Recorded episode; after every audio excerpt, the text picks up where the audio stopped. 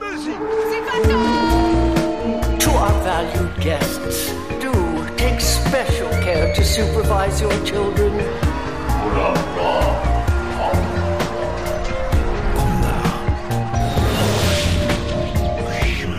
Het is weer ochtend in Pretparkland. Goedemorgen pretparkland en welkom bij je ochtendelijke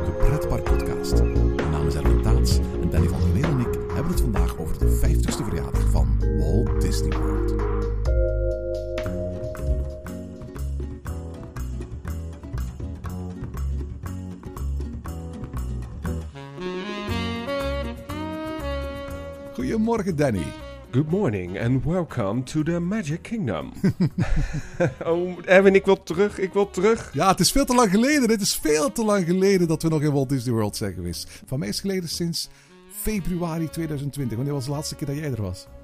Eh, oh, wauw, eh 20, 20. Ja, ja, wat doe je me aan ook om mij te vragen voor een podcast over 50 jaar Disney World? Oh, ik wil gelijk weer terug. Maar dat konden we toch niet overslaan. Ik bedoel, het gebeurt maar heel zelden dat een park 50 jaar wordt. En een, een, een resort als Walt Disney World dat 50 jaar wordt, dat verdient een eigen aflevering vanochtend in Pretparkland, hè Danny? Ja, absoluut. En we hebben er allebei natuurlijk ook best wel wat geschiedenis liggen. Want eh, jij, gaat, jij komt er heel vaak, hè. Ehm, ik heb er gewerkt. Eh, het is ook wel echt, voor mijn gevoel, maar ik, ik, ik ken jou al langer, volgens mij voor jou ook. Het tweede thuisplekje op deze aardbol. Wel, je zegt er nu al tweede thuisplekje. Uh, het, is een plek hier heel erg ver vandaan, meer dan 5000 kilometer. Maar natuurlijk, telkens als je er naartoe gaat, ga je er niet voor één dag of voor twee dagen, maar voor twee weken of voor drie weken. Ik heb ooit eens zitten uitrekenen hoeveel dagen ik al in mijn leven in Walt Disney World ben geweest. En volgens mij zijn dat meer dagen dan in om het even welk ander pretpark ter wereld, inclusief dichtbijenparken voor mij hier in Vlaanderen of bijvoorbeeld Efteling in Nederland, dat ik daar al echt meer dagen in Walt Disney heb doorgebracht, in Walt Disney World in Florida, dan, dan om het even waar elders. En ik vermoed dat dat eigenlijk bij jou, omdat je er ook gewerkt hebt, ook het geval zal zijn. Nou ja, dat was absoluut zo. Maar dat komt natuurlijk ook omdat um, als je naar Disney World gaat of als je naar Orlando gaat, dan bezoek je die parken niet van 10 tot 6. Zoals wij wel gewend zijn in Walibi of in Bobbejaanland of in Efteling. Nee, je bezoekt het daar of vroeg in de middag of soms tot laat open. Het, het, het komt ook vanwege het klimaat. Dus je kan wel eens gewoon drie parken op één dag bezoeken. Of vier. Ik heb, dat, dat is een traditie van als wij naar Walt Disney World gaan. Dan proberen we altijd de laatste dag de four parks in one day te doen. En dan gaan we echt letterlijk op één dag de vier themaparken van Walt Disney World bezoeken. Gaan we in elk park eventjes één of twee of drie grote attracties uh, doen. Uh, gaan we ergens een snackje nemen of ergens iets eten. En dan eindigen we s'avonds bij het vuurwerk in het Magic Kingdom. Maar dan heb je alle vier de parken in één dag bezocht. Ja, waar, waar kan dat eigenlijk ter wereld? Hè? maar het resort is 50 jaar. Uh, Um, en we gaan het daar in deze uitzending over hebben. Ja, absoluut. 50 jaar Walt Disney World. Het toffe is natuurlijk dat er zoveel podcasts, zoveel vlogs zijn die daar aandacht aan besteden. Dat we daar eigenlijk bij spreken nog weinig maar aan toegevoegd kunnen hebben. Bovendien hebben we de afgelopen jaren nog in Pretparkland zo vaak afleveringen gemaakt over Walt Disney World. Meer dan 25 in totaal. Dat alle grote attracties en alle parken uitgebreid besproken zijn. En dat we dachten van, voor een jubileumaflevering als deze moeten we niet hebben over één specifiek park of over één specifieke attractie.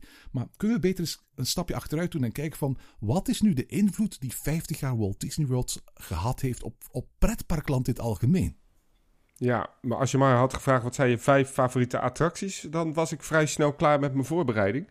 Want jij stelde deze vraag, uh, ik dacht ongeveer uh, een week geleden aan mij in een wachtrij van een attractie. Kom ik zo nog even op. Uh, maar, um, en toen dacht ik, wow, dat is best een lastige vraag. Want ja, 50 jaar is een lange tijd. Maar het is ook niet zo klein, hè, dat Walt Disney World. Want misschien heel even, dan toch nog een stapje terug. We praten over 50 jaar Walt Disney World. Toen het opende had het nog maar één park, één pretpark, Magic Kingdom.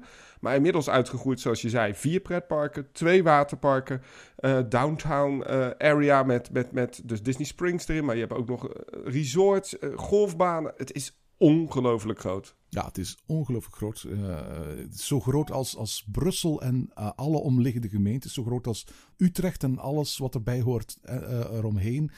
dat is onvoorstelbaar voor mensen die gewend zijn van een, een dagje in een park te zijn. Het is gewoon niet mogelijk om van de ene kant naar de andere kant van Walt Disney World te wandelen op één dag. nee, nee, en daarom heb je gelukkig een monorail, een bus. De Skyliners.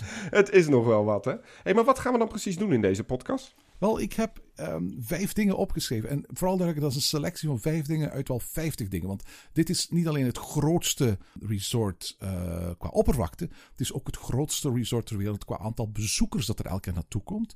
Uh, het is ook denk ik het grootste resort ter wereld wat het aantal attracties en belevingen betreft. Dus ik had makkelijk 10 of 15 invloeden kunnen, kunnen, kunnen neerschrijven die, die, die Walt Disney World op, op pretparkland heeft gehad. Ik heb er vijf hele belangrijke voor mezelf opgeschreven. Wat heb jij als eerste neergeschreven? Nou, dat komt wel goed uit. Toen jij de vraag stelde, uh, we stonden in een wachtrij van een attractie. Um, en daarna gingen we een drankje doen. En toen zaten wij op een terras. En wat mij meteen opviel, en jou ook, was dat um, de muziek die daar speelde niet klopte met het gevoel, met het moment van de dag. Klopt, heel juist. Je stelde die vraag en ineens pakte ik mijn telefoon. Ik dacht, ah, dit is mijn nummer één. Direct wat ik heb om te vertellen in deze podcast. Ik denk dat er geen resort is wat de soundscaping zo goed heeft um, ja, bedacht als in Disney World, Walt Disney World. Um, als we gaan hebben over het geluid in het algemeen, hoe zij dat gebruiken, die, die, die, die ongelooflijke afstelling van speakers, maar ook van de soundscape, van de muziek.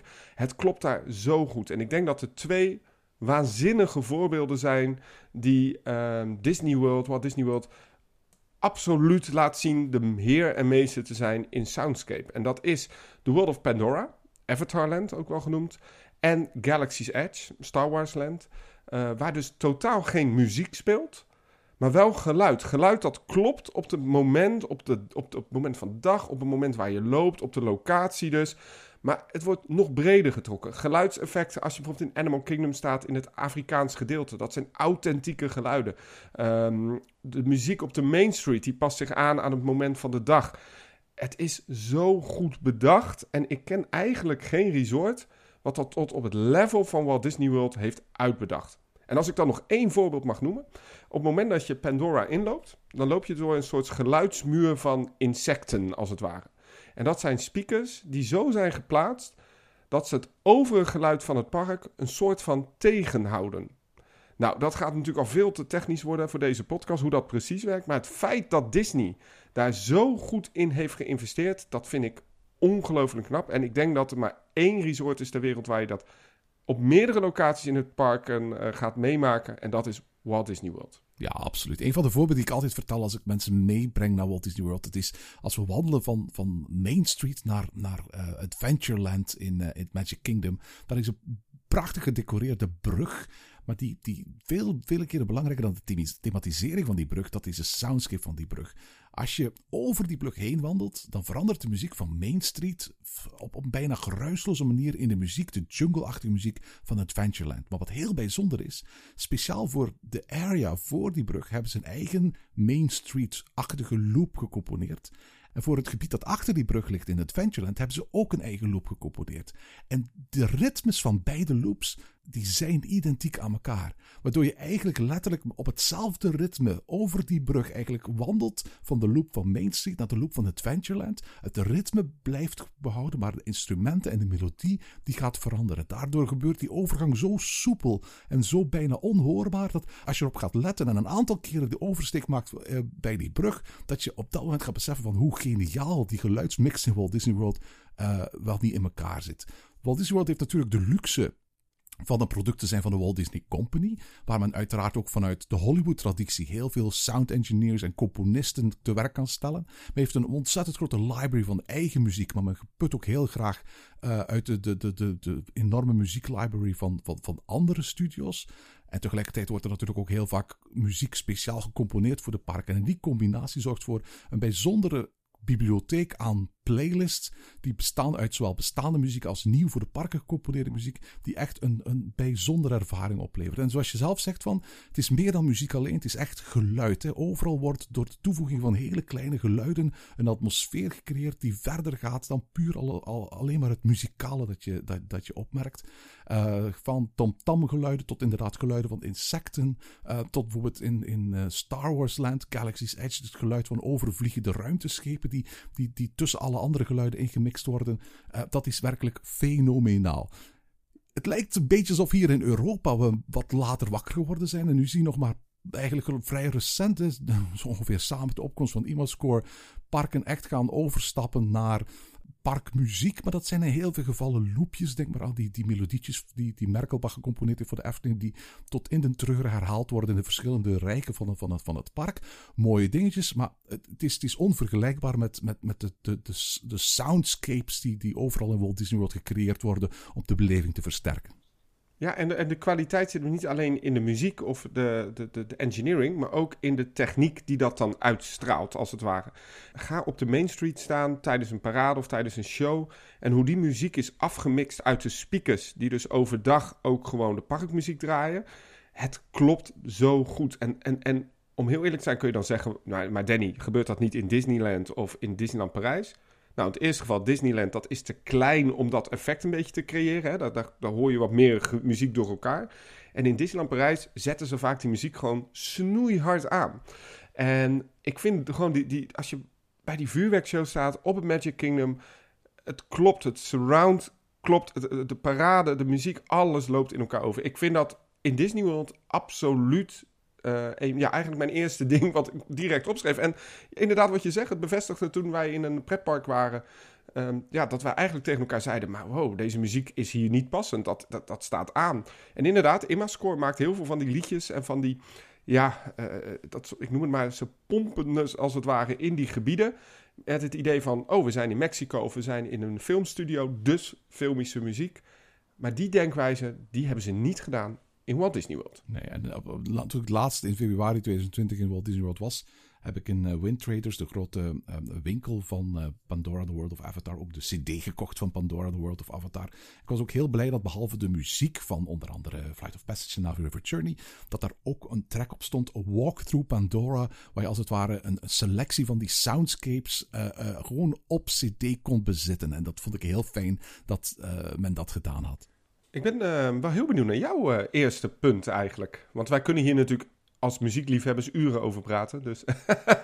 Mijn eerste punt uh, als invloed van, van Walt Disney World dat ik heb opgeschreven, dat zijn slotshows. Misschien had ik die beter als laatste gehouden van mijn rijtje. Maar ik zal het er toch niet uitpakken, omdat ik het ook zo'n belangrijk element vind van, van de dag. vuurwerk in Disney dateert uit 1956. Hè, en dat was toen Walt Disney, een jaar na de opening van, van Disneyland in Anaheim, voorstel dat op selecte dagen in de zomer hij het beeld wilde recreëren dat mensen kenden uit de begingeneriek van het Disneyland TV-programma. Namelijk zo uh, Sleeping Beauty Castle met daarachter het vuurwerk. En daaruit ontstond in 1958 de allereerste Disney vuurwerkshow, Fantasy in the Sky. Dat was een vuurwerkshow in het begin zonder muziek, die oorspronkelijk echt handmatig werd aangestuurd. En men moest echt letterlijk telkens die show plaatsvond, handmatig die, die, dat vuurwerk de lucht te gaan steken. In de jaren 60 ontwikkelde Imagineering dan, of WET heette dat toen, een elektronisch aanstuursysteem. En daardoor werd het mogelijk om, om vuurwerk voor het eerst te synchroniseren met muziek. Nu, toen in 1971 Walt Disney World opende, opende dat uh, tegelijkertijd met de grootste versie van vuurwerk ooit hadden gehad. Opnieuw uh, voor een groot stuk gebaseerd op die van Disneyland. Fantasy in the Sky. Zes minuten lang was dat. En dat was heel lang voor die tijd. Um, en uiteindelijk heeft die show zo'n 30 jaar gespeeld. 30 jaar gespeeld, dag na dag na dag. Want dat was het het, het, grote verschil met Disneyland. Um, um, in Disneyland werd, werd, vuurwerk vooral in het weekend gedaan, in, in hoogseizoen. Tot op de dag vandaag is, is het niet elke dag uh, vuurwerk in Anaheim.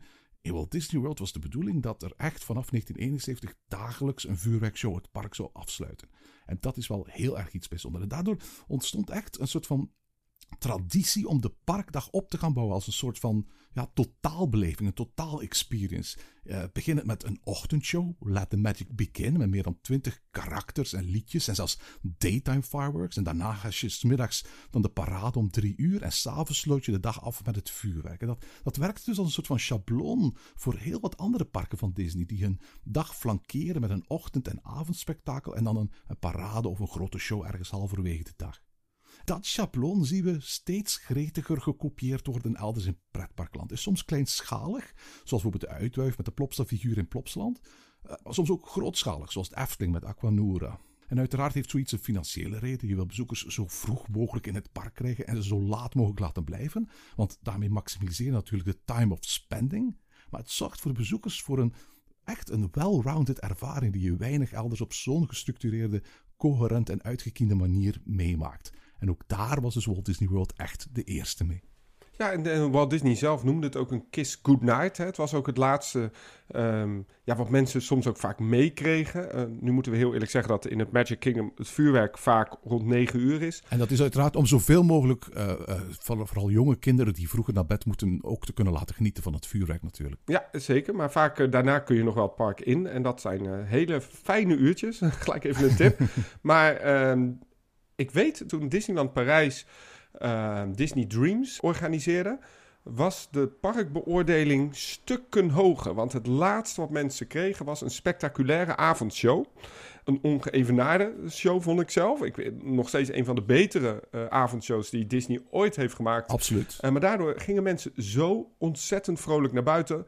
Ondanks die mega uitstroom, die wachtrijen bij je auto en zo. En wat ik ook heel goed vind van dit punt wat jij maakt. En overigens voor de luisteraars, we hebben dit niet eh, zodanig voorbereid dat ik weet wat jij gaat zeggen. Maar het eerste wat mij dus nu in mijn opkomt, is dat Disney eh, met dat afsteken ook iets heel unieks heeft gedaan. Ik mocht werken bij eh, toen nog, ehm, hoe heette die vuurwerkshow nou? Ja, de eerste, allereerste was Fantasy in the Sky. Daarna in 2003 werd het Wishes. In 2017 werd hij vervangen door Happily Ever After. En, en sinds het begin van deze maand is er de allernieuwste. Eigenlijk, eigenlijk maar het, het vierde vuurwerkspektakel in de geschiedenis van Walt Disney World in Magic Kingdom. Namelijk Enchantment. Maar jij hebt gewerkt toen Wishes er was, hè? Ja, klopt ja. En ehm, we kregen daar toen een cursus, want we moesten daar iets eh, van weten natuurlijk. En hun zeiden van, ja, wij hebben een systeem ontwikkeld wat ehm, niet meer werkt met lontjes. Hè? Dus vuurwerk kun je normaal, als je dat uh, huistuin- en keukenvuurwerk, steek je dat af met een lontje. Maar er zit altijd een vertraging in en een soort variabel tijdsduur wanneer dan de daadwerkelijke vuurwerkshell afgaat. Maar Disney werkt dus met luchtdruk. En zij schieten dus met een bepaalde lucht de shells in de lucht. Op het moment dat die knal er moet komen, dan sta je daar op een bepaalde afstand van dat vuurwerk. Maar de mensen in de resorts daarachter, die kunnen ook die soundtrack horen. En zelfs dat is vanwege de vertraging exact afgestemd op wat je ziet in de lucht. Het klopt altijd als een bus. En dat, de avondshows in Disney, ik snap heel goed dat je dat als eerste noemt. Wat is jouw uh, nummer twee? Walt Disney World is voor mij ook het resort wat de in-park spending tot een maximaal heeft weten te ontwikkelen.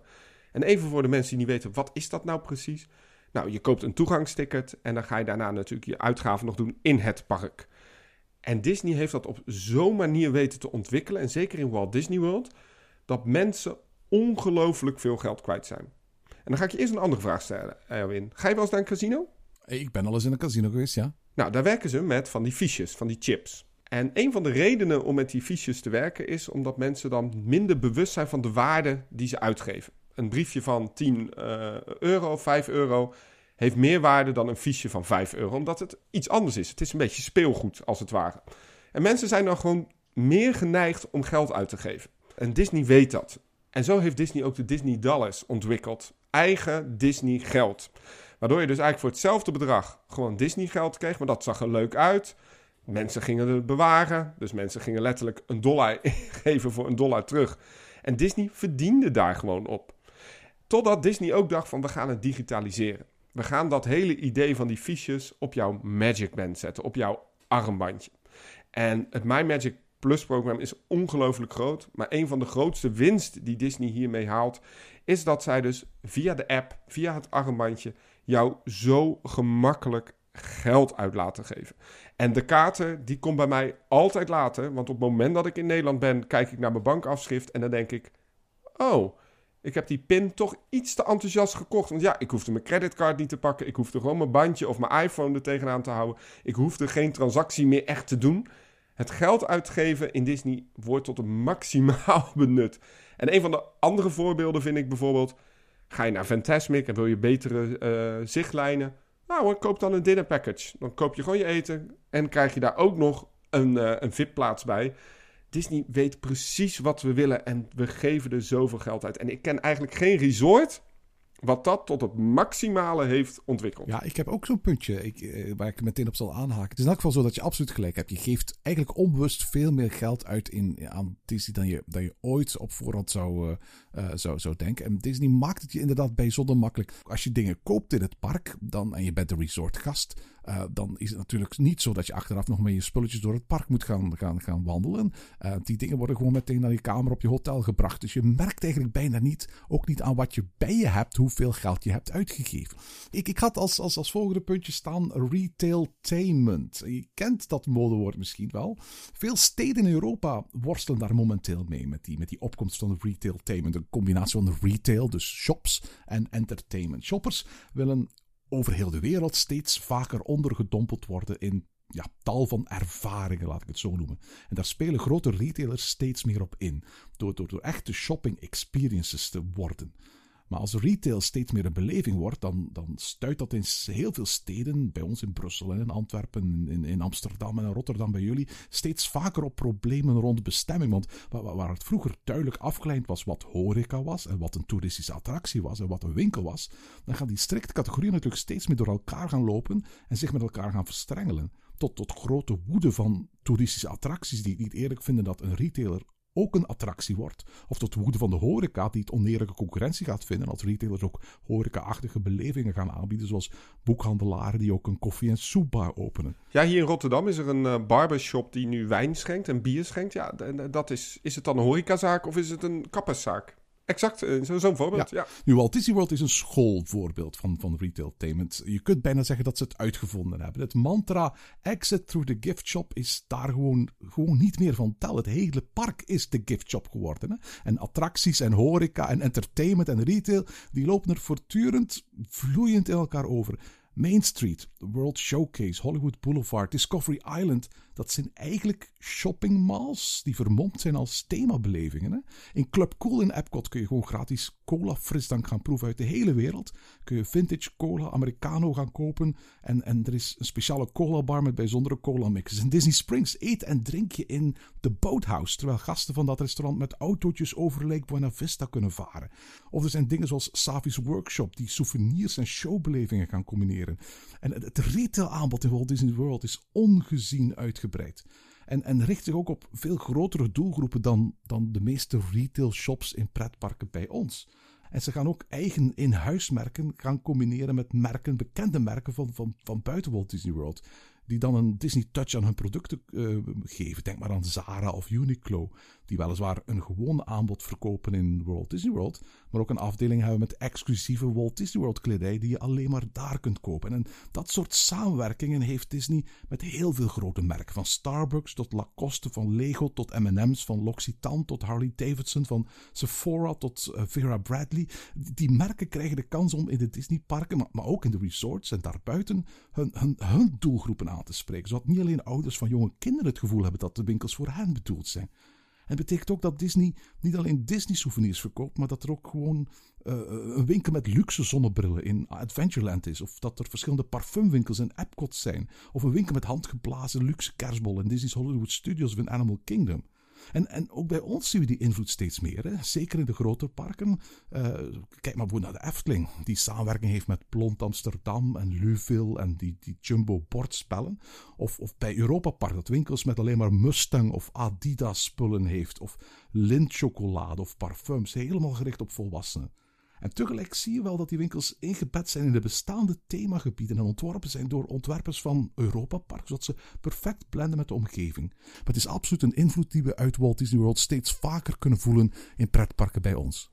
En het is een ontwikkeling die ook echt uh, lange tijd teruggaat. Ik denk dat Epcot daar het grootste voorbeeld van is. Hè. Je noemde daar al een aantal dingen.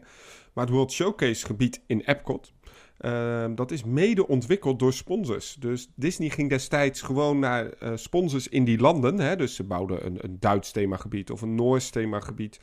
Um, en daar werden gewoon sponsors bij gevonden. Dus bijvoorbeeld in Epcot, inderdaad in het um, Japanse gedeelte, daar zie je ook een shop die volledig wordt gerund door een Japans bedrijf. Ja, dat is de Michikoshi Department Store. En die Michikoshi Department Store is trouwens een, een mini-versie van een enorm groot warenhuis dat zich in Tokio zelf bevindt. Ja, en, en, maar die samenwerking, precies wat jij zegt, dat is zo uniek. Maar dan heb ik nog één vraag aan jou om dit punt af te sluiten. Zeg eens. Beverly, in Club Cool. Is dat nou lekker? ik vind het ongelooflijk vies. Maar het is ongelooflijk fijn om, om gezelschap erbij is dat er nog nooit van geproefd heeft. In elk geval een aantal van die cupjes uh, te zien drinken. ja, ik ben volgens mij de enige die het dan wel lekker vindt. Maar goed. Alright. Onze nummer twee had dus allemaal met shoppen te maken. Wat was jouw nummer drie, Danny? Mijn nummer drie is het personeelsbeleid. Ehm Personeel is zeker heden ten dagen in pretparkland een hot issue. Uh, restaurants die gesloten worden in pretparken, die, omdat er gewoon geen personeel is. Uh, attracties die niet op tijd open kunnen omdat er te weinig personeel is. Personeel krijgen is heel lastig. En neem het de mensen die daar werken ook niet kwalijk. Hè? Want je wordt niet zo heel veel betaald. Het zijn lange uren, altijd in de vakanties, tot s avonds laat. Werken in een pretpark kan heel leuk zijn, maar is wel vaak lastig. En Disney, Walt Disney World heeft dan nog een ander probleem. Het ligt in een ongelooflijk toeristisch gebied. Dus Walt Disney World heeft niet alleen concurrentie van de parken in de omgeving, maar ook van alle resorts, van de cruise lines. En zorg dan maar voor dat jij je vier parken, je twee waterparken, voldoende bezet krijgt. En Disney heeft daar iets ongelooflijks goeds op ontwikkeld. Het International College Program, of het College Program, of de Cultural uh, College Program. En wat ze daar dus doen, is ze gaan dus echt letterlijk uh, personeel buiten Amerika naar uh, Orlando brengen. En dat kunnen ze alleen maar doen. Ze kunnen daarmee alleen maar de wet omzeilen als jij daar dus een internship gaat volgen. En dat betekent dus dat jij één dag per week een, een Disney-opleiding krijgt. Vaak verzorgd door een partner, Michigan University bijvoorbeeld, waarvan ik hem heb gedaan. Um, en dan vier dagen die Disney-ervaring om te werken in die parken. En Disney uh, voor de pandemie haalde ongelooflijk veel personeel uit al die landen uh, om ons heen. En om nog maar een voorbeeld te geven, in Frankrijk, in het Franse gebied, zal ik maar zeggen, van, uh, van Epcot, daar werken ook hoofdzakelijk alleen maar Franstalige mensen. En die kunnen ze dus alleen maar naar Amerika krijgen met zo'n Cultural Exchange Program. En wat Disney dus eigenlijk heeft gedaan, en naar dat punt wil ik, is dat zij veel verder gaan zijn wezen kijken dan alleen in de omgeving. Hè, waar kunnen we nou personeel vandaan halen? Maar een soort beleid hebben gecreëerd om het probleem van personeel op te lossen. Door dus mensen veel verder weg te halen en gelijk ook in die Disney-bubbel te krijgen. En daardoor die parken kunnen steffen, maar tegelijkertijd ook de mensen een fantastische ervaring uh, geven. En ook ik heb dat gedaan. En Erwin, het feit dat ik er nu nog over praat, geeft aan hoeveel indruk dat op mij heeft gemaakt. Ja, ik geef eerlijk toe dat toen ik studeerde dat niet op mijn radar stond. Uh, de liefde voor, voor Walt Disney World is pas later gekomen. Maar ik moet eerlijk toegeven, had ik het geweten, ik ben jaloers dat je het gedaan hebt en ik had het ook willen doen. Ja, dat snap ik. Maar het, feit natuurlijk dat Disney, en dat punt wil ik een beetje maken, um, bedacht heeft van hoe kunnen wij dat personeelsprobleem oplossen. Dat hebben ze dus deels gedaan door mensen te werven, maar ook om dat personeel tevreden te houden en goed te houden. Het verloop in Disney World is ongelooflijk groot. Hè? Elke zes maanden komen daar duizenden mensen weer terug en weer naar binnen en gaan er weer weg. Maar wat zij dus doen om dat personeel tevreden te houden, is naast een matige betaling, jou wel zorgen dat je altijd uh, extra's krijgt. Extra feestjes, extra toegang, um, meet and greets met characters die de gasten normaal niet kunnen ontmoeten, gratis pizza parties, rondleidingen achter de schermen. Disney weet heel goed dat ze te weinig betalen voor de mensen. Maar ze weten ook heel goed dat gewoon te kunnen verkopen aan de mensen. Ik moet zeggen, van als, als, als ik verhalen vertel over bezoeken aan Walt Disney World aan mensen, dan ga ik het uiteraard vaak hebben over bepaalde attracties of bepaalde fantastische themagebieden. Maar ik ga net zo vaak ook, ook vertellen over ervaringen die ik heb gehad met, met castmembers. En die zijn bijna zonder uitzonderingen exceptioneel. Uh, van een niveau dat ik elders in pretparkland niet meemaak. En het is heel moeilijk om aan iemand te vertellen die nog nooit in Walt Disney World is geweest, hoe extreem groot de impact van de castmemberbeleving is op je dag in dag uit ervaring daar. Een bezoek aan Walt Disney World voor mij is niet alleen maar een bezoek aan fantastisch ontworpen parken en themagebieden, aan geweldige attracties en aan, aan fantastische ervaringen, maar minstens zo ook een bezoek aan een wereld waar castmembers vriendelijkheid, gemoedelijkheid, veiligheid en extreem professionalisme uitstralen uh, van het moment dat je daar aankomt tot het moment dat je weer weggaat. En dat hebben ze zo kunnen doen om heel goed na te denken al bij de ontwikkeling van uh, Magic Kingdom bijvoorbeeld. Heeft men heel erg bedacht, als wij dat personeel uh, door het park laten lopen, laten we dat dan ondergronds doen. Hè? Het bekende verhaal ga ik je niet nog een keer herhalen, maar uh, de tunnels onder het Magic Kingdom. Maar het feit dat in die tunnels allemaal faciliteiten zijn voor het personeel, met restaurants, met ontspanningsruimtes, dat is gewoon bedacht. Dat is gewoon op dat moment gedacht. We moeten investeren in dat personeel. Het feit dat in Epcot twee buslijnen backstage lopen voor het personeel, zodat ze niet te ver hoeven lopen, tot uh, de gratis fietsenprogramma's die ze hebben uh, bij bijvoorbeeld het Animal Kingdom, zodat je gewoon altijd een fiets kunt pakken achter de schermen. De kwaliteit om te zorgen voor het personeel, dat is daar echt wel op een hoog niveau. En sure, ik denk als wij dit zo naar buiten brengen, dat er ook mensen zullen zijn die zeggen van nou, daar ben ik het niet helemaal mee eens.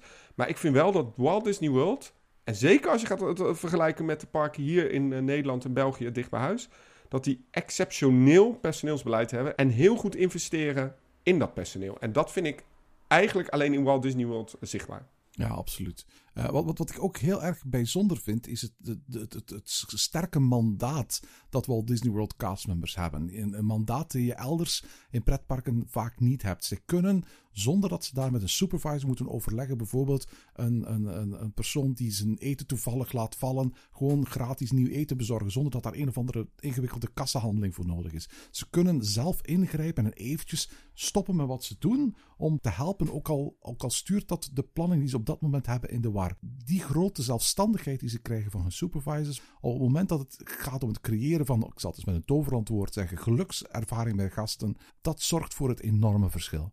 Ja, een heel goed voorbeeld is dat toen ik in uh, de Hollywood Studios werkte, werkte ik bij Indiana Jones. En uh, de personeelscafetaria, uh, dat bevindt zich eigenlijk naast de Lounge Bay. Dus dat bevindt zich naast dat Playhouse Disney showtje wat wij draaiden. Je moet dan dus, als je ging lunchen, over dat centrale plein lopen. Toen nog een grote hoed, nu het prachtige theater zichtbaar weer. Ik wist altijd als ik over dat plein loop dat ik daar foto's moest maken van mensen met die hoed. Want dat was natuurlijk een fotomoment. En ik wist ook altijd dat mijn pauze dus 10 minuten werd ingekort op een moment dat ik over dat plein liep. Want ja, je, je kunt niet nee zeggen, dat mag niet. En je moet natuurlijk die foto's maken voor die mensen. En ik heb dat toen overlegd met mijn manager en die zei van Danny, dat wist ik niet. Jij krijgt gewoon iedereen 10 minuten extra pauze. En dat is maar een beetje het gelukstijd, hè? een beetje gemiddelde, om dat plein over te steken. En toen we dat deden, uh, dat is een prachtig moment. Ik heb daar een foto gemaakt eigenlijk omdat dat moest. Hè? Omdat dat, dat een beetje ingeleerd is van uh, twee dames. En ik maakte een foto met die hoed op de achtergrond. Die ontzettend lelijk hoed. Maar goed, dat was een mooie foto. En dat had ik gedaan, ging eten. En later op de dag komt mijn manager naar me toe. En die zegt, ja, we hebben een um, guest relations report. Dus uh, ze zijn naar guest relations gegaan. En daar stond een heel emotioneel verhaal op. En ik wil dat toch delen in deze podcast. Want dat staat me toch op de dag van vandaag nog bij. Die twee dames, waren twee zussen. En die hadden jarenlange ruzie. En ze hebben eigenlijk besloten om dat niet uit te praten maar om elkaar weer te leren kennen om naar Disney World te gaan. En hun eerste foto weer samen na al die jaren was de foto die ik van hun heb gemaakt. Wauw. En dat soort momenten, dat bereiken die castmembers daar wel. Mensen komen daarheen om die geluks, nou ja, ervaringen te, uh, te krijgen. En je wordt er als personeel echt in gefaciliteerd om dat te doen. En ik vind ongelooflijk knap wat Walt Disney World daar uh, heeft gedaan. Mijn nummer drie op het gebied van invloeden van Walt Disney World op de rest van pretparkland, dat zijn gethematiseerde waterpark. Het is, het is moeilijk te zeggen wanneer de eerste waterpark ontstonden. Veel eerder dan Walt Disney World zelf. Maar Walt Disney World zelf was zonder twijfel de grondlegger van de eerste thema-waterparken. Uh, en dat was met uh, Disney's River Country, een park dat in 1976, vijf jaar na de opening van Walt Disney World zelf, opende. Een waterpark vlakbij Fort Wilderness aan Bay Lake. Oorspronkelijk ging het park Pops Willow Grove heten. En, en voor zijn thema haalden de Imagineers inspiratie uit de boeken van Mark Twain. Die een soort van ode aan de idyllische, lange, warme zomers uit onze jeugd zijn. Waarbij je met je vrienden in een meer of in een rivier in de buurt ging pootje paden of gaan zwemmen. Maar dan op zijn Disney natuurlijk. Met fraaie rotspartijen, met grotten, watervallen, hangen touwbruggen, een verzonken boot en, en tientallen glijbanen natuurlijk, omzoomd door het Cypress Point Nature Trail, een prachtig wandelgebied tussen de cipressen aan Bay Lake. River Country was zo populair dat ongeveer elke dag tegen smiddags geen bezoekers meer aankon. En al gauw volgden Typhoon Lagoon in 1989 en Blizzard Beach in 1995 als opvolgers uh, qua waterthemapark.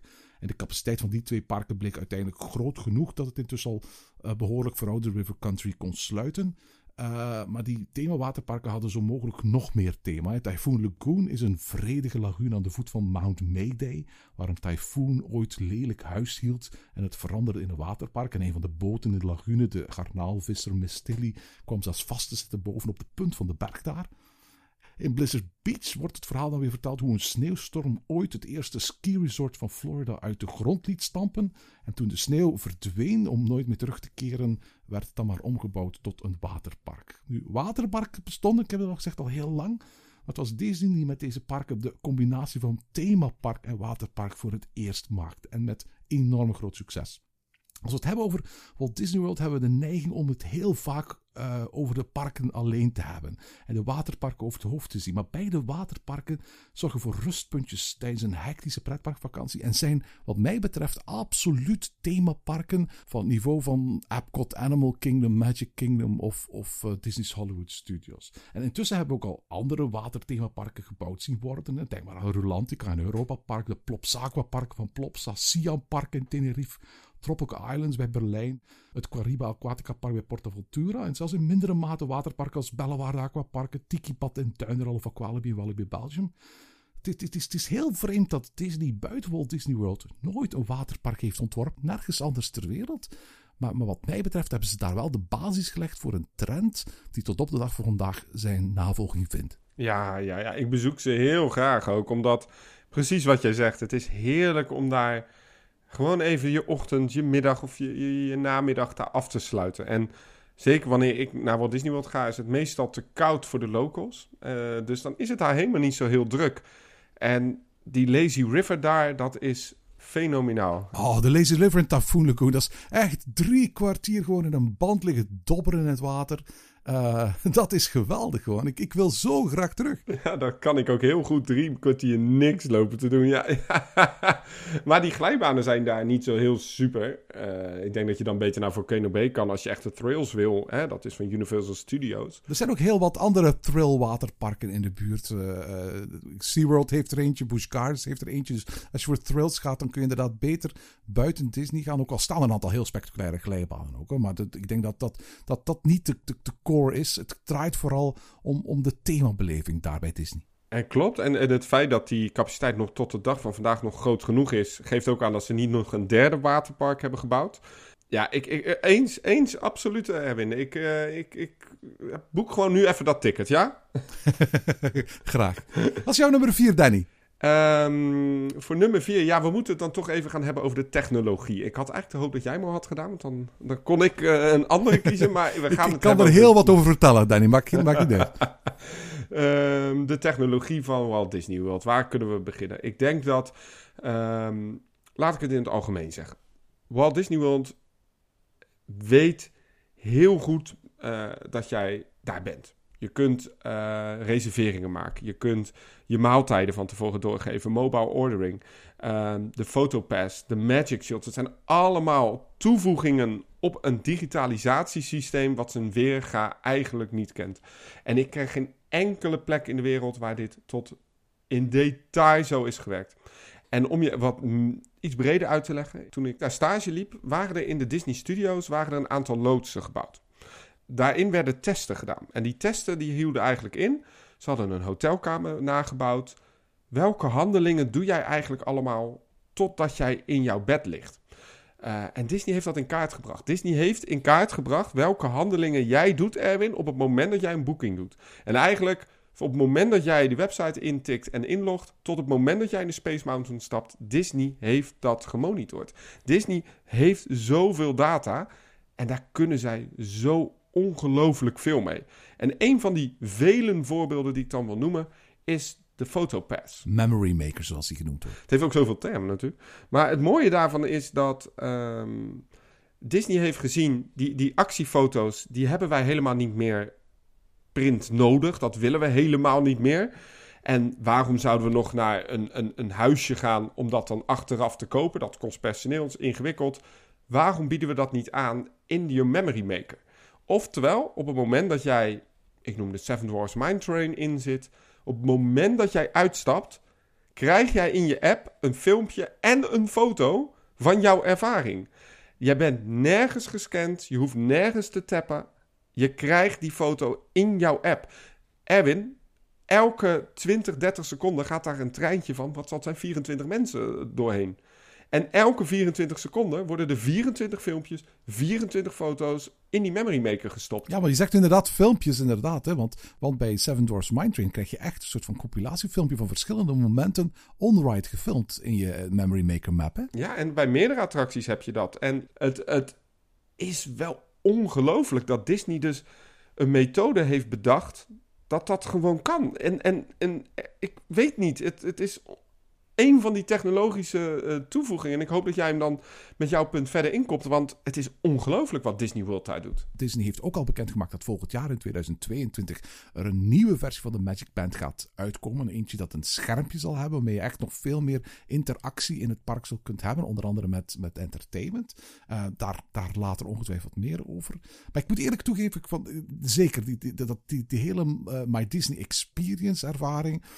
die begint thuis wanneer je die app installeert op je, op je telefoon en wanneer je je boeking daarin importeert en die zich daarna langzaam ontvouwt, waardoor je nu Magic Bands kunt gebruiken voor zo'n beetje alles. Hè. Voor, voor, het gebruik van transport, voor het openen van je hotelkamer, voor het maken van aankoop, voor het betalen van eten en drinken, uh, voor het bevestigen van reservaties. Dat is ongelooflijk. En inderdaad, die fototechnologie uh, in jouw geval. Ik heb daar ook een, een, een, bijzondere ervaring mee. Een aantal jaren geleden waren we in Disney Springs in de Irish Pub, Raglan Road, tot heel laat, geloof tot twee uur gaan uitzitten. Uh, je weet hoe dat gaat. Hè. Dan neem je de bus terug naar je hotel. Dan hang je de, het hangertje om je um, uh, deur om aan te geven van dat ze absoluut niet om 8.30 uur moeten uh, wakker maken omdat ze de kamer op orde willen doen. En uiteindelijk zijn we daar in slaap gevallen en was het zeker ja, één uur of twee uur middags. Het was een lange, lange, lange nacht geweest. toen we goed en wel wakker waren. En in één keer gaat de telefoon. En ik neem de telefoon op en, en, en een vriendelijke mevrouw van aan de receptie van ons hotel vraagt van... Zeg, uh, meneer Taats, ik zeg van ja, uh, dit is iemand van bij de receptie van je hotel. We hebben gemerkt dat u vandaag uw Magic Band nog niet hebt gebruikt. Nog om uw kamerdeur te openen of te sluiten, nog om een aankoop te doen, nog om in de parken te komen. Is alles wel oké met u? Ik bel gewoon eventjes om te checken. Uh, waarop ik zei van, oh ja, het was gewoon een hele late avond Disney Springs gisteravond. Dat kunt u ongetwijfeld wel zien op je computer. Um, um, um, alles is oké met ons. En dan zegt ze, alright, no problem, just checking. En ze legde de telefoon neer. En aan de ene kant had ik zo'n gevoel van... Het is eigenlijk wel fijn dat Disney zo bezorgd is om mij als gast... Dat ze eventjes bellen om te kijken of alles oké is. Aan de andere kant gaf me dat ook een beetje een soort onheimelijk gevoel. Zo van, ik word echt, echt constant in de gaten gehouden. Hè? Ja, dat gevoel had ik ook toen ik in Shanghai Disneyland was. Um, ik, ik, ik doe in mijn app van uh, Shanghai Disneyland... Ik, ik scan daar bij de, de intree. En ineens komt daar een foto van mij op dat schermpje van die vrouw... En ik denk, ja, maar hoe Huh? Hoe krijgen zij mijn foto daar? Ik heb nooit ergens toestemming gegeven. Ik heb nooit. En dat is in China natuurlijk nog heftiger. Maar het is natuurlijk bizar dat, dat mijn foto, die elders was gemaakt van een beveiligingscamera, ineens gelinkt werd aan mijn ticket en aan mijn app. Nog alvorens ik mijn paspoort liet zien. En toen dacht ik echt wel, wat, wat, wat gebeurt hier? En die ervaring, die gaan mensen natuurlijk ook een beetje in Walt Disney World krijgen. Want daar kun je dadelijk ook met gezichtsherkenning naar binnen. Of althans, de eerste uh, testen zijn al geweest. Ja, absoluut. Ik, ik, een gelijkaardig verhaal heb ik toen ik met een collega in Walt Disney World was. En we probeerden Magic Kingdom binnen te komen. En op de een of andere manier werkte de vingerafdrukssoftware uh, niet goed. Uh, ik weet niet of dan die collega lag, had zijn verkeerde vinger geprobeerd, of dan, de, of dan de software was. Maar op de een of andere reden ging het rode lampje branden. Dan kwam er iemand met een iPad naar haar en zei van, uh, goedemorgen, mag ik eventjes je Magic Band scannen? En op dat moment verschenen een heleboel van die automatisch gemaakte foto's van mijn collega op haar scherm. Zodat ze eigenlijk kon controleren of de Magic Band die net was gebruikt om binnen te komen, overeenkwam met de persoon aan wie die was gekoppeld. Die kreeg gewoon al die, al die foto's te zien, die automatisch gemaakte foto's. En zodra ze dat zag, mocht mijn collega gewoon haar vingerafdruk resetten en daarna gewoon naar binnen. Dus er zit ook een soort van Big Brother gegeven achter die technologie bij Disney. Hè?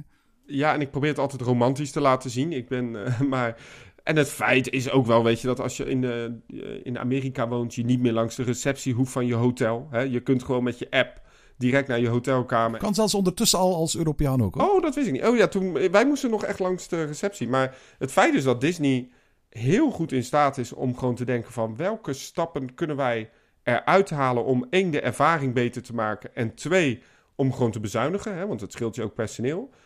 Dan denk ik van, er zijn dus hier nog in Europa parken waar ik dus nog niet digitaal mijn jaarkaart krijg. Als iemand die niet in Nederland woont, dus vanuit België, kan ik mijn jaarabonnement van de Efteling nog steeds niet digitaal verlengen. Dat lukt alleen maar als je je abonnement in één keer betaalt als Nederlander. In Walibi Holland krijg je dus twee pasjes met twee barcodes. Eén waar je parkeerabonnement op staat, eentje om naar binnen te gaan. Ehm, Erwin, ik heb mijn, mijn portemonnee nooit meer bij me. Ik, ik, laatst, ik stond in, in, in een eh, winkel, hier gewoon in de supermarkt, en mijn iPhone was leeg. En ik, had, ik was echt, ik was weg. Ik kon niet meer afrekenen, want ik had mijn pinpas thuis laten liggen. Moet ik eens iets ongelooflijk eh, geweldigs vertellen? Zelfs als je telefoon leeg is, is het zo dat je in Walt Disney World gewoon nog je kamerdeur kunt openen en kunt afrekenen met je telefoon. Omdat daar in principe dezelfde technologie in zit als in je bankkaart. En er zit ook geen batterijen. Ja, nou ja, dat, dat, vonden ze bij de Lido hier wat minder.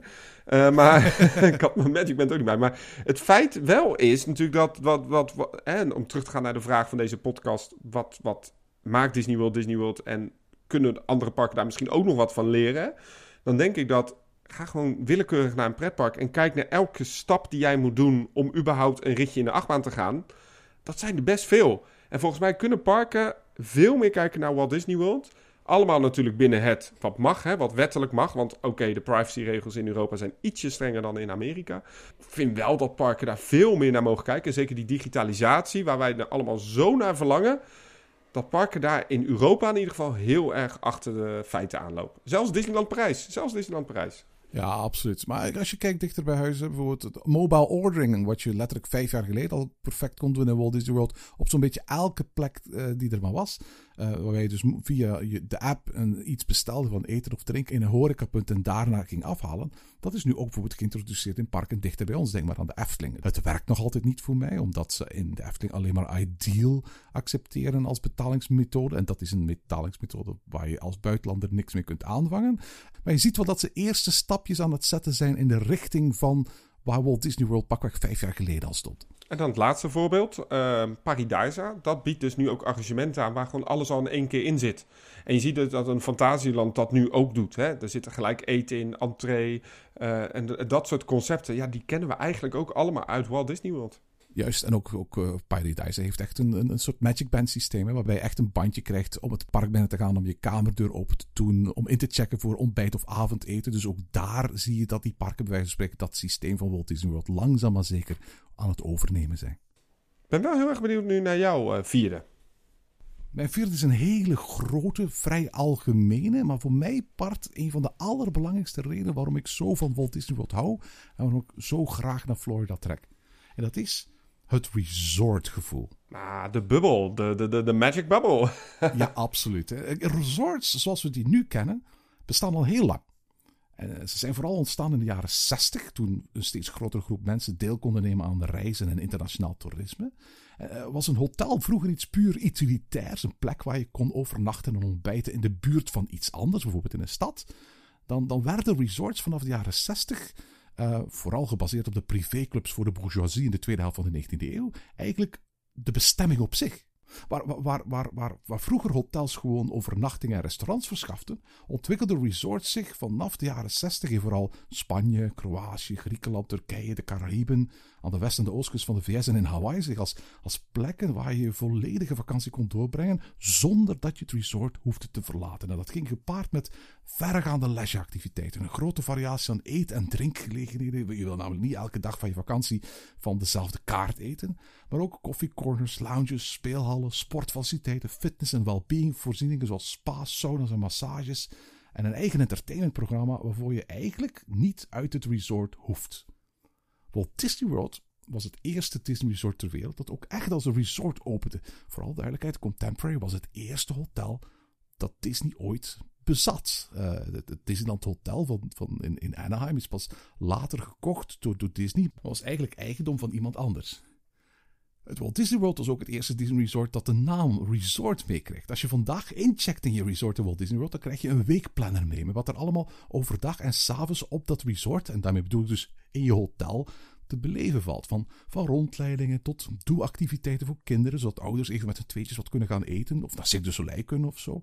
Naast de dagelijkse movies under the stars van elk resort. De kampvuren, de dinnershows en dat soort dingen meer. Je kunt ook echt zonder probleem een hele dag in je resort besteden. Hè? Zo heeft bijvoorbeeld Uh, het Contemporary Resort, dus het eerste resort in Walt Disney World, tien verschillende bars en restaurants en veertien verschillende winkels, inclusief geweldige boekenwinkels waar je alle parkboeken van Disney kunt kopen. Bijvoorbeeld ook kleding en badgerij, uh, een winkel met houseware, dat soort dingen meer. Het feit dat al die resorts met elkaar en met de parken verbonden zijn met boten, monorails, skyliners en bussen, waarbij je dus tijdens je hele verblijf zelfs geen uitkijkje op de buitenwereld buiten de Disney-bubbel krijgt, zorgt voor een zorgvuldig gemanicuurd, bijna perfect onderdompelingseffect dat tegelijk onwerkelijk en bijzonder aangenaam aanvoelt.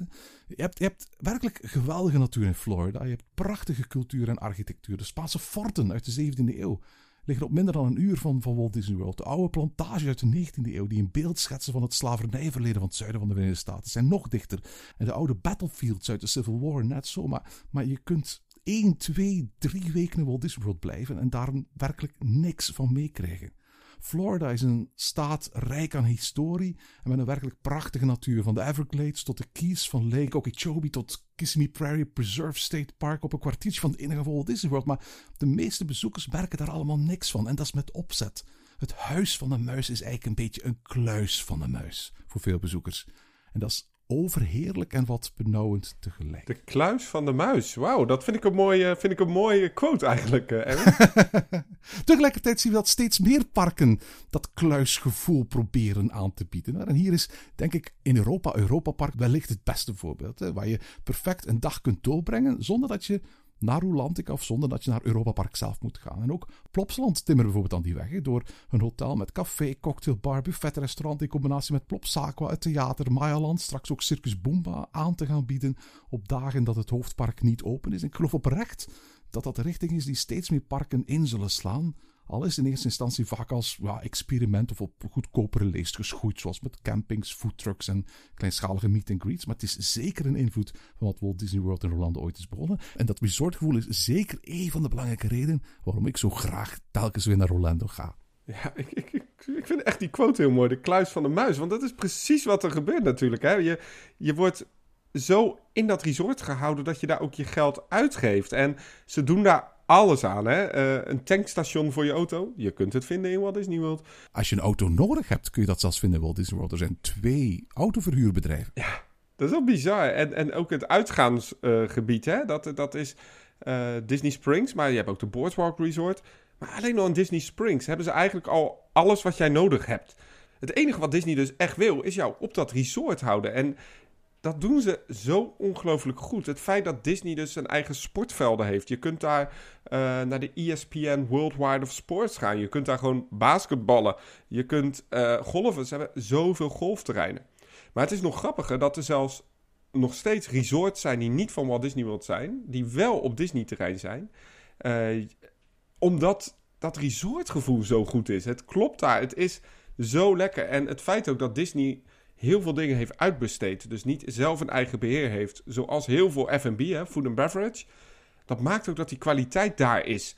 En dat vind ik wel echt heel fijn. En, en nogmaals, we komen terug naar een eerder punt. Het creëert ook hele verrassende samenwerkingen.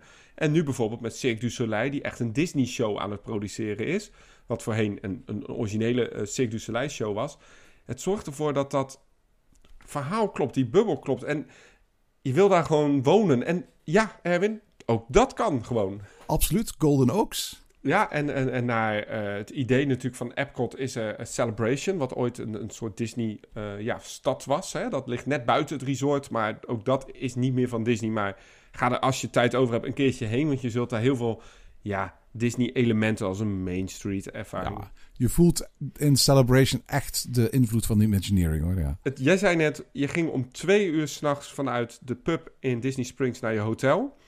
Hoeveel problemen heb jij ondervonden om überhaupt naar je hotel te komen? Ja, niks natuurlijk. Hè. De, de, de buslijnen uh, van, van Walt Disney World rijden niet de hele nacht door. Maar zorgen in elk geval wel dat de laatste gasten van Disney Springs allemaal gewoon perfect aan, aan hun, bij wijze van spreken, hotelkamerdeuren worden afgezet. Dus nee, dat, dat, dat werkt zo soepel als wat. En zo efficiënt mogelijk. Want tot de dag van vandaag worden bijvoorbeeld nu bij de uh, ferryboats die tussen het Magic Kingdom en het parkeerterrein uh, liggen uh, worden de aanpassingen gedaan. Nu kun je op twee verdiepingen tegelijkertijd gaan instappen. Juist om die capaciteit weer te verhogen. Juist om weer die ervaring te verbeteren. Zorgen dat mensen minder lang staan te wachten. Ja, dat is gewoon wel heel goed hè. wat dat betreft is de rode loper die ze leggen tussen hun eigen bankrekening en die van jou ontzettend soepeltjes uitgelegd. Dat vind ik ook een hele mooie. Ehm, ik denk dat tijd voor onze nummer 5, Erwin. Juist, ben benieuwd naar jouw laatste. Ja, het kan niet anders dat ik iets, iets, iets neurderigs, iets technisch moet doen natuurlijk. Je kent mij. Ehm, ik wil het hebben over een attractie. Oké, Expedition Everest. alright. 2006 opende ehm, tot toen nog de duurste achtbaan ter wereld. Geweldige coaster, maar minstens zo'n fantastisch themagebied. Absoluut. Maar wat Disney. Ik ga het over techniek hebben, Erwin. Ik, sorry, ik moet het hebben over de technische ontwikkeling die plaatsvindt in Walt Disney World. We hebben het gehad natuurlijk over het digitale, maar laten we het hebben over de, echte de techniek, de blockbreaks, de, de wissels, de efficiëntie, de capaciteit van de attracties. Disney is in staat om continu te ontwikkelen. En een van die ontwikkelingen was Expedition Everest. En ik vind dat een keerpunt letterlijk in de achtbaangeschiedenis. Men heeft daar een van de grootste bergmassieven, kunstmatige bergmassieven ooit gebouwd. Dat is immens groot, Erwin. Op het moment dat je daar dat park, die brug, Expedition Everest, die staat daar. Dat is een echte berg als je daar naar kijkt. En ik heb daar zoveel making-ofs van gezien. Hoe zij daar die track in hebben gecreëerd. Hoe zij die berg hebben gebouwd. Hoe zij die wissels. En, en nogmaals, je praat over 2006. Dat is dus een van de eerste achtbanen die elke, nou wat zal zijn, 30, 40 seconden een wissel omzet om jou naar achter te laten gaan en naar voren. Het feit dat het onderhoud van die attractie in al die jaren, er is nooit een groot onderhoud geweest nog. Hè? Die attractie draait al sinds 2006 vrijwel storingsloos. Ze gaan nu aankondigen binnenkort het eerste technische grote onderhoud te plegen aan die attractie. En ik wil mijn hoed afnemen voor het feit dat Disney dus samen met Vekoma deze achtbaan al die jaren zo goed kan laten rijden. Soepel, hoge capaciteit, spectaculaire rit. Het is ongelooflijk goed. En het is maar één voorbeeld van heel veel attracties die Disney heeft gecreëerd, waarin de techniek echt ons iets doet beleven. Kijk naar Test Track. Kijk naar uh, Mission Space in Epcot. Kijk naar een hele andere attractie, Space Mountain in Magic Kingdom. Een hele oude achtbaan. Maar het was een van de eerste achtbanen die zoveel blockbreaks achter elkaar wist te plaatsen. Waardoor er dus heel veel treintjes tegelijkertijd konden rijden. En de Walt Disney World Original, de allereerste Space Mountain ter wereld, is geopend in Orlando. En hij draait nog, hè? En eh, ja, misschien niet meer de meest soepele. Maar als we dan terug die geschiedenis in gaan. Kijk naar uh, de capaciteit van It's a Small World. Kijk naar de capaciteit van zo'n draaiend theater. Wat ze daar hebben staan in Magic Kingdom. Ik vind het ongelooflijk knap dat dag in dag uit daar al die attracties zo zorgeloos, vlekkeloos draaien. En ik, ik, ik vind daarvan, om heel eerlijk te zijn, uh, Expedition Everest 2006 een ongelooflijk mooi voorbeeld. Maar er zijn zoveel attracties te noemen die misschien dat nog verbeteren. Kijk naar Tron, die ik in Shanghai heb gedaan. Kijk naar Pirates of the Caribbean in Shanghai. En ja, ik, ik ongelooflijk punt. Ik wil Walt Disney World is volgens mij de speeltuin van de technische ontwikkeling. En ik ben heel blij dat een, een semi-Nederlands bedrijf als Vekoma daar ook zo'n belang in heeft. Ja, absoluut. En uh, om eens terug te komen op je eerste puntje, ook daar aan de voet van Expedition Everest, dan de Mount Everest gebergte, de soundscape die daar gecomponeerd is, met die heerlijke gierende wind, uh, het geluid van vogels, het geluid van, van die typische Tibetaanse instrumenten en slagwerk die je daar hoort, en die echt, wij spreken, overal om je heen aanwezig is in, in, in, in uh, zoals het dorpje aan de voet van, van, van Mount Everest heet. Subliem is dat. Absoluut, ja. ja. Ik ben benieuwd naar jouw laatste. De, de, laatste invloed van Walt Disney World op pretparkland bij ons, die ik genoteerd heb, dat zijn de seizoenen. Magic Kingdom was het eerste park van Disney dat ooit gebouwd is om open te gaan en daarna nooit meer te sluiten. Uh, dat is uiteindelijk wel een aantal keren gebeurd hoor. Uh, onder meer door orkanen, door de aanslagen van 11 september en tijdens de coronacrisis. Maar in principe ging Magic Kingdom en de andere parken die daarna gebouwd zijn in Walt Disney World nooit meer dichtgaan. Dat was niet het geval in Anaheim. Tijdens de herfst- en wintermaanden was het park doorgaans op maandagen en dinsdagen gesloten. De openingsuren van Disneyland Anaheim buiten het hoogseizoen waren vanaf 1955 telkens van woensdag tot en met zondag van 10 tot 7 uur. Het was pas na de toevoeging van de attracties van de New York State Fair en de opening van Pirates of the Caribbean en Haunted Mansion eind jaren 60 dat Disneyland in Anaheim het aandurfde om jaar rond open te gaan. Dan zit wel heel dicht bij 1971, het openingsjaar van Walt Disney World. Daar is het zo dat Magic Kingdom en alle parken die daarna kwamen geopend zijn om nooit meer dicht te gaan. Die mythische jaarrondopening. Maar om de aandacht bij bezoekers hoog te houden natuurlijk, jaar rond, ook in minder drukke periodes, ging Disney sterk inzetten op de verschillende seizoenen. Lente met Pasen, de 4th of July in juli, Halloween, Kerstmis en Nieuwjaar. Dat werden belangrijke tentpole moments op de jaarkalender. En de komst van Epcot die voegde daar dan nog festivals aan toe, vaak gericht op eten en drinken. Het Festival of the Arts in januari en februari, waarbij ze kunstenaars uit heel Amerika en zelfs daarbuiten uitnodigden om hun kunst te komen etaleren. Het Flower and Garden Festival, waarbij het lenteseizoen gevierd werd met nieuw aangelegde tuinen met seminars over groen en tuinieren en topiaries.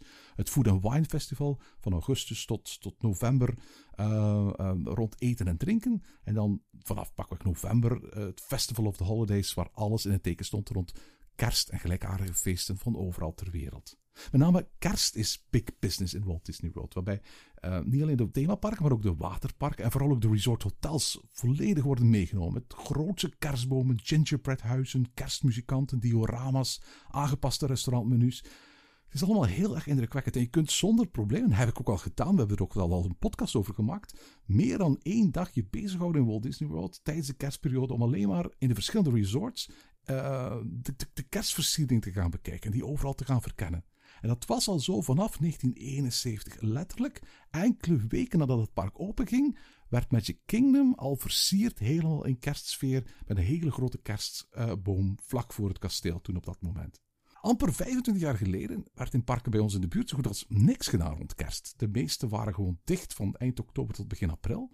En op hier en daar is een park dat een zomeropenstelling hield na, was het elke dag van het seizoen business as usual. Onder de invloed van Walt Disney World en de steeds langer wordende seizoenen zien we daar langzaamaan veranderingen komen. Steeds meer parken zijn open met kerst. Halloween is standaard op de kalender komen te staan. En ook in de rest van het jaar worden, wordt steeds vaker uitgepakt met langdurige evenementen of themaweken. En zeker de schouderseizoenen, de weken voor Paas en de weken na Halloween, die zijn voor veel parken bij ons nog een dorre woestijn. Maar ik ben er zeker van dat Walt Disney World ook hier een voorloper kan zijn van heel wat festivals. Dat een voorbeeld kan zijn van veel van onze parken, hoe je ook in die periodes mensen naar je park zou kunnen lokken. En we zien daar voorbeelden van. Alton Towers bijvoorbeeld, dat al, al in de krokusvakantie open gaat. Ik geloof ook um, Plopsaland, dat nu in de krokusvakantie volledig al wil opengaan. In dat opzicht zien we heel voorzichtig, ook al zijn we ondertussen een halve eeuw na de opening van Walt Disney World, dat ook daar de invloed van het park in Florida voelbaar is. Maar dit is wel inderdaad wat Walt Disney World eh, met je doet. Hè? We zijn nu ruim een uur verder. Um, we hebben maar vijf dingen elk genoemd over hoe geweldig dat resort is. Ik heb hier gewoon nog meerdere dingen staan op mijn lijstje. Uh, gaan we niet doen. Hè? Dit waren de vijf, dat is het format. Juist. Maar het geeft wel aan hoe mooi dit resort is. Ja, hoe groot, hoe immens, hoe invloedrijk vooral, want daar wilde het vooral over hebben. Want bij een aantal van de dingen die we nu genoemd hebben, zullen ongetwijfeld jongere luisteraars zoiets hebben van, waarom is dit zo bijzonder? Uh, ik bedoel, de dingen die je nu noemt, die heb je toch bij ons in pretparkland ook? Ja, die heb je nu in pretparkland ook. Maar die heb je in pretparkland bij ons nog maar 10 of 15 of 20 jaar. Terwijl ze Walt, bij Walt Disney World al 50 jaar geleden deden. En dat is natuurlijk de, de, de ontzettende uh, uh, kracht die Walt Disney World heeft. En als je vandaag kijkt naar Walt Disney World en kijkt waar ze mee bezig zijn. Dan zie je ook voor een heel groot stuk een, een, blik in de toekomst van hoe pretparkland er bij ons hier in Europa uit zal zien over 10, 15 of 20 jaar. En dat is voor mij een extra reden om Walt Disney World van dichtbij te volgen. Ja, het, het rest mij niet om gewoon nu even op die... Ik zie hier nu dat ze een aanbieding hebben parktickets vanaf 47 euro per dag. Zullen we... Alright. Ik stel voor dat we meteen gaan boeken. Vanaf november kunnen we weer als Europeaan uh, de grens over naar, naar de Verenigde Staten. Ik stel voor dat we niet te lang wachten om nog eens naar Walt Disney World te gaan, Danny. Nee. En het voordeel is ook, bij Disney weet je ook altijd dat hun verjaardagen minimaal wel meer dan een jaar gaan duren. Dus. Ja, absoluut, absoluut. Dus de 50ste verjaardag wordt, wordt inderdaad een groot feest van 18 uh, maanden. Uh, gaat dus minstens tot in 2023 nog verder duren. Uh, ik ben er zeker van dat we tegen die tijd wel eens in Orlando zullen geweest zijn. En uitgebreid in de volgende aflevering van Ochtend in kunnen vertellen over al die festiviteiten en bijzonderheden op het programma van de 50ste verjaardag van Walt Disney World. En tot zover deze aflevering van Ochtend in Pretparkland. Volg ons via het Pretparkland op Twitter, Instagram en Facebook of mail naar ochtend.pretparkland.be. Ochtend in Pretparkland is de pretparkpodcast voor vroege vogels. Bedankt voor het luisteren en maak er een fijne dag van.